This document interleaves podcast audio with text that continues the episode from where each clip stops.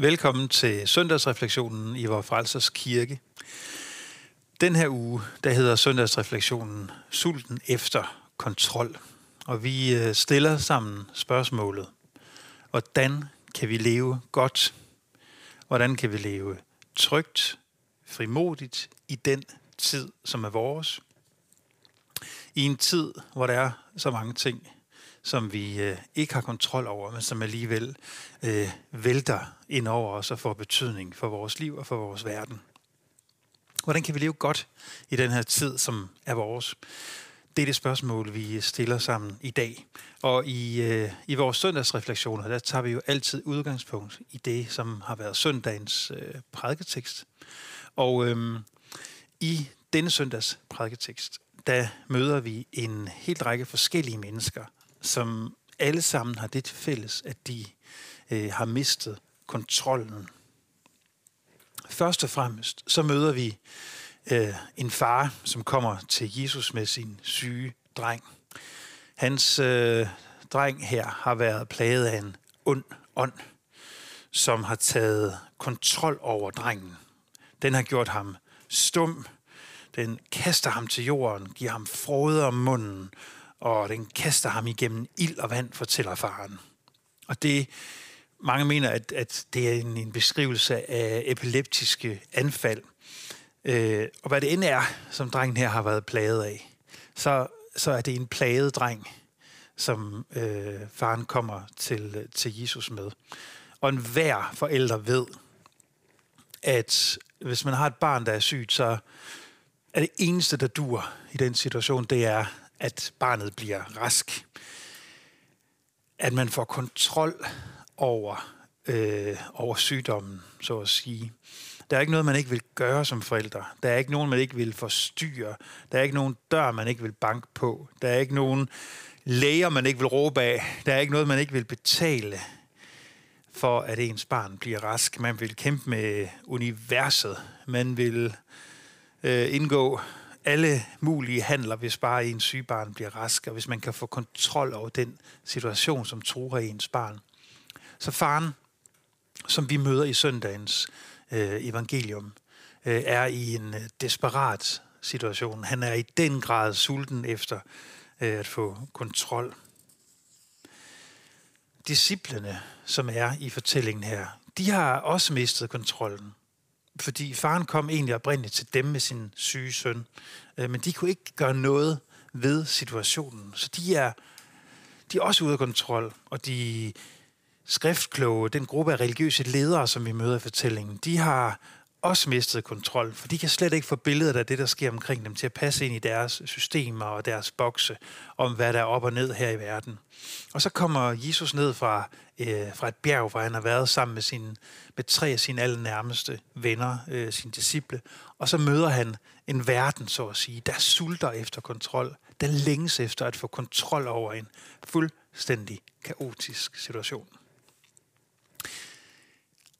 Og vi inviteres jo til øh, at se os selv i den her fortælling.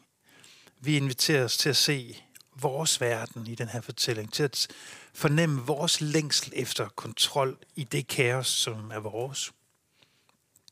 Jeg ved ikke, hvad dit kaos er, men jeg gætter på, at vi alle sammen kender til fornemmelsen af kaos. Øh, af at der er omstændigheder, vi kæmper med at få kontrol over. Vi kan have kaos kaotiske omstændigheder i vores egen lille familie, i forhold til vores relationer, i forhold til vores helbred, i forhold til vores økonomi. Og vi kan jo hver især vælge forskellige strategier for at søge at få kontrol over øh, den situation, som, som er vores. Og så er vi også alle sammen i et kaos lige nu på den store klinge. Det er en kaotisk situation i verden. Vi troede lige, at verden skulle til at være lidt mere normal efter coronapandemiens er ved at klinge, klinge ud. Øh, forhåbentlig da i hvert fald. Øh, og så kommer der en forfærdelig krigssituation i Europa, og grundpillerne ryster, øh, ryster under os, og øh, man taler og skriver igen om faren for, for atomkrig, og millioner af mennesker er på flugt øh, og udsættes for forfærdelige lidelser øh, lige her på det europæiske kontinent. Verden er blevet et usikkert og et uroligt sted, og vi rammes alle sammen hårdt, også økonomisk, øh, af den her situation. Og selvfølgelig er det aller værst for de mennesker, der direkte bliver berørt af fuldstændig forfærdelige, kaotiske omstændigheder. En øh, samfundsforsker, der hedder Ivan Krastev, han skrev i weekenden her i øh, avisen Information, at vi vil alle sammen komme til at opleve konsekvenserne af øh, krigen i Ukraine øh, i form af inflation og stigende energipriser. Men, skriver han, den første forandring har allerede fundet sted, nemlig, siger han, vores forestilling om Europa som et fredeligt kontinent har vist sig at være forkert. Vi lider et enormt kontroltab som mennesker øh, i den her tid.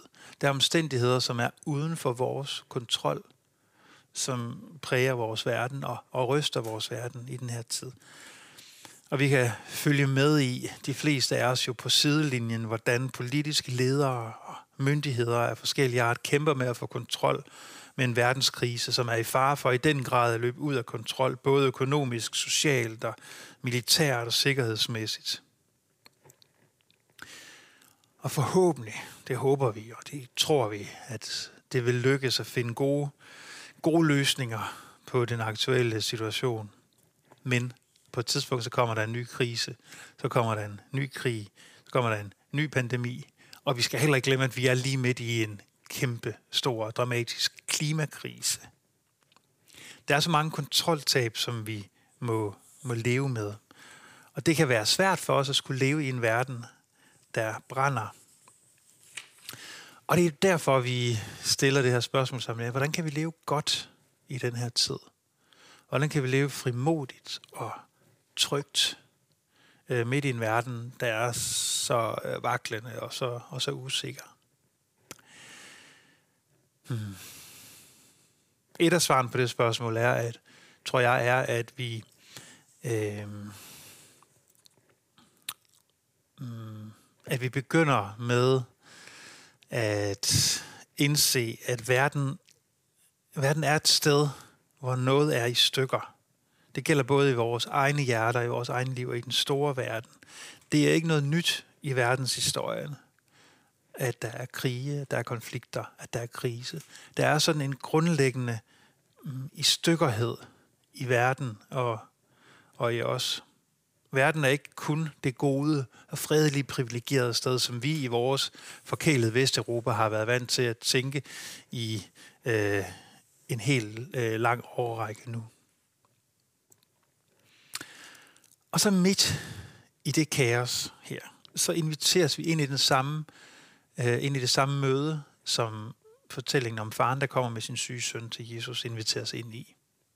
Han inviterer os til at, øh, han inviterer så at sige sig selv ind til at møde Jesus. Han øh, siger til Jesus, hjælp mig, gør noget ved den her situation. Og vi inviterer os også til at, øh, til at se på det her møde mellem Jesus og en dreng og en far og en gruppe af mennesker, der har mistet kontrollen.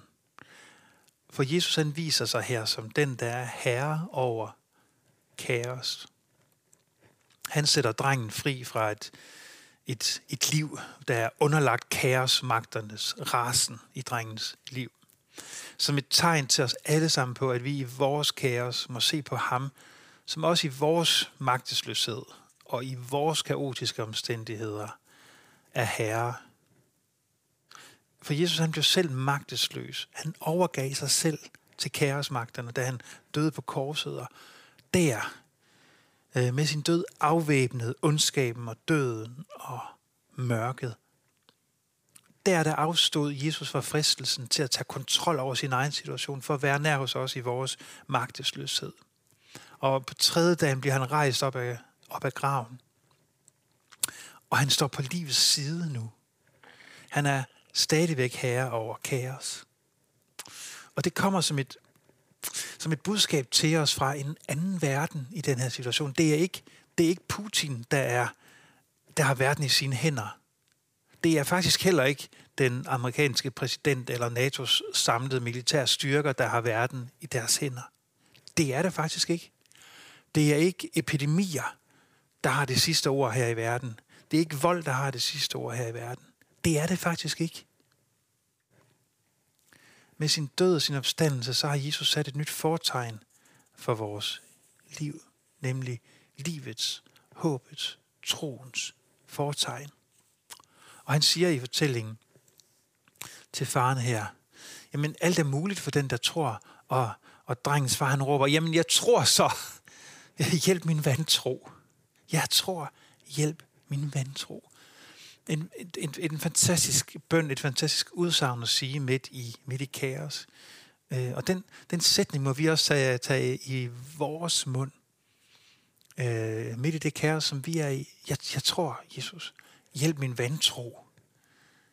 Midt i, at jeg ikke kan se nogen vej ud af det, der er mit kaos, eller verdens kaos, så tror jeg, jeg tror, du er på livets side, Gud. Øh, og det er, en, det er en brise, det er frisk luft til os i den her tid. Det er et fundament under vores, vores fødder. Og det betyder ikke nødvendigvis, at vores omstændigheder ændrer sig. For vores bøn er, øh, er, er ikke en måde at få kontrol over verden på. Så sådan fungerer bøn ikke. Men det er en måde at være til på i verden, midt i utryghed og kaos. Og, og vi må, vi kan og, og vi må, vi skal afstå fra kravet om kontrol, fra sulten efter kontrol. For, for det, det vil lamme os, hvis den sult tager magten over os. Det vil ødelægge vores liv. For der er så mange ting, som vi ikke får kontrol over. Men vi får lov til at finde hvile i, at Gud han er i kontrol.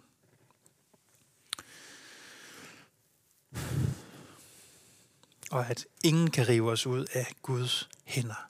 Det er, det er hans øh, løfte til os. Her en af øh, dagene i den her uge, så havde vi en eftermiddagsgudstjeneste her i kirken, hvor vi tændte, øh, vi bad om fred i verden og tændte lys ind i, ind i kirken. Vi havde besøg af en journalist, som lavede et, et, et, et lille nyhedsindslag om det, og journalisten spurgte mig, hvad nytter det at tænde lys? Øh, det, det var et meget godt spørgsmål. Øh, og det nytter jo sådan set ikke noget. Det nytter faktisk ingenting at tænde et lys for Ukraine eller at tænde et lys for fred, men det giver dyb, dyb mening alligevel. Det giver dyb mening at tænde et lys, der minder os om, at lyset det altid vil vinde over mørket. Det giver dyb mening at tænde et lys, som lader os finde hvile i, at vi lægges i gode hænder, når vi bæres til dåben eller går til dåben. Som minder os om, at vi er i gode hænder hos ham, der tog fat i den her plagede syge dreng og rejste ham op til nyt liv. Og til ham, som kalder os sine børn og siger, at vi må leve frimodigt og trygt her i en kaotisk verden, som, som, han, som hans elskede børn. Vi skal ikke bære hele verdens byrder på vores skuldre. Det kan vi ikke. Det vil knuse os. Men med det udgangspunkt, at vi må høre til os Gud, øh, at han har kontrollen, så, så skal vi være med til at kæmpe for det gode og det sande og det smukke og det skrøbelige og det rigtige. Det skal vi. Og vi skal være med til at bære hinandens byrder og gøre godt, gøre noget sandt og noget smukt her i verden, lige så længe vi er her. Nu, her lige om et øjeblik, så vil øh, vores øh, sanger og en musiker her i kirken, Niels Peter, han vil synge en, en sang for os. Det er en sang, som egentlig er skrevet af Leonard Cohen, øh, og er på albumet Old Ideas. Det er en sang, der hedder Come Healing. Det er en bøn om helbredelse og healing til et hjerte, men, men også til en verden, der er gået i stykker, til en krop, der er gået i stykker. Og øh, jeg vil bare invitere til at, at lytte til den her sang. Øh, og også bede med på, på bønden i sangen om, at, at verden den må heles og forsones og nyskabes. Og mens vi synger den her sang, så kan vi jo give slip på, på kravet om, om kontrol. Vi kan i den her sang lægge, lægge vores liv og vores verden i Guds hænder. Øh, vi beder nemlig også for os selv om, at vores sind og vores krop må blive helbredt ved Guds nåde, som ingen af os har gjort os fortjent til, som ingen af os har kunne handle os til, men som bliver ragt os kvidt og frit. Vi må komme til Jesus med vores i stykkerhed, med vores kaos, og bede ham om at lægge sine hænder på os. Og selvom det ikke nødvendigvis forandrer vores omstændigheder, så forandrer det alligevel os. Så må han, som lagde sine hænder på de syge, som han mødte på sin vej, må han lægge sine hænder på dig, som lytter til det her, eller ser på det her. Må fred og helbredelse komme til din krop, til dit sind. Må du finde hvile midt i dit kaos, og må du opdage, at sammen med Kristus, så er der ikke noget i den her urolige, usikker verden, du behøver at frygte.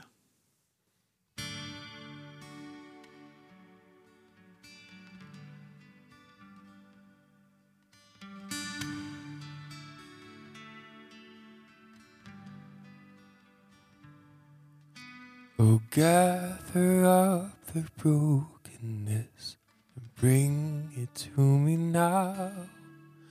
The fragrance of those promises you never dared to vow.